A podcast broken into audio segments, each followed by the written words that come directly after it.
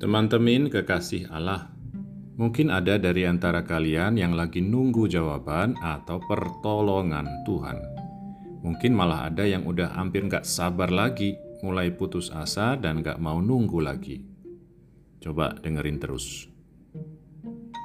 Sahabat yang dikasihi Tuhan, kalian emang selalu punya pilihan, termasuk untuk berhenti menunggu dan akhirnya milih keputusan atau jalan sendiri atau mutusin untuk nggak percaya lagi. Itu semua emang pilihan. Tapi menurut saya sih bukan pilihan yang oke.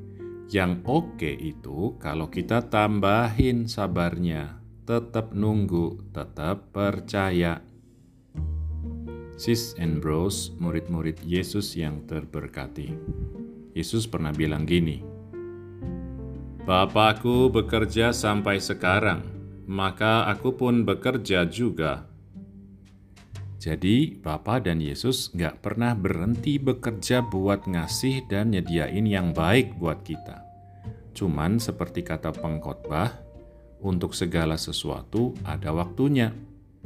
Kalau kata Yesaya, Tuhan bilangnya gini, Pada waktu aku berkenan, aku akan menjawab engkau, dan pada hari aku menyelamatkan, aku akan menolong engkau. Sahabat si ember yang disayangi Tuhan. Yesaya juga bilang kalau Tuhan gak pernah ninggalin kita. Katanya Tuhan bilang gini, Dapatkah seorang perempuan melupakan bayinya sehingga ia tidak menyayangi anak dari kandungannya? Sekalipun dia melupakan, aku tidak akan melupakan engkau. Yuk, sabar terus, bertekun, dan setia dalam doa dan pengharapan.